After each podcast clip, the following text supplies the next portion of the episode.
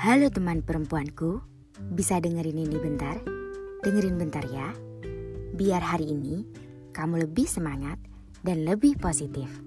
Senyum adalah salah satu tanda bahwa emosi gembira kamu bisa terlihat. Kalau kamu senyum hari ini, duniamu pasti indah. Kalau kamu senyum hari ini, dunia orang lain mungkin lebih indah. Senyummu bisa saja berharga untuk ayah ibu saat ini. Senyummu bagian dari rindu yang ditunggu kekasihmu. Senyummu bagian pertama yang digemari anakmu. Senyummu terlihat cantik, kata sahabatmu.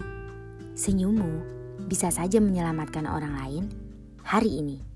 Jadi, bisa tersenyum sekarang? Ingat, senyummu itu berharga. Terima kasih sudah mendengarkan.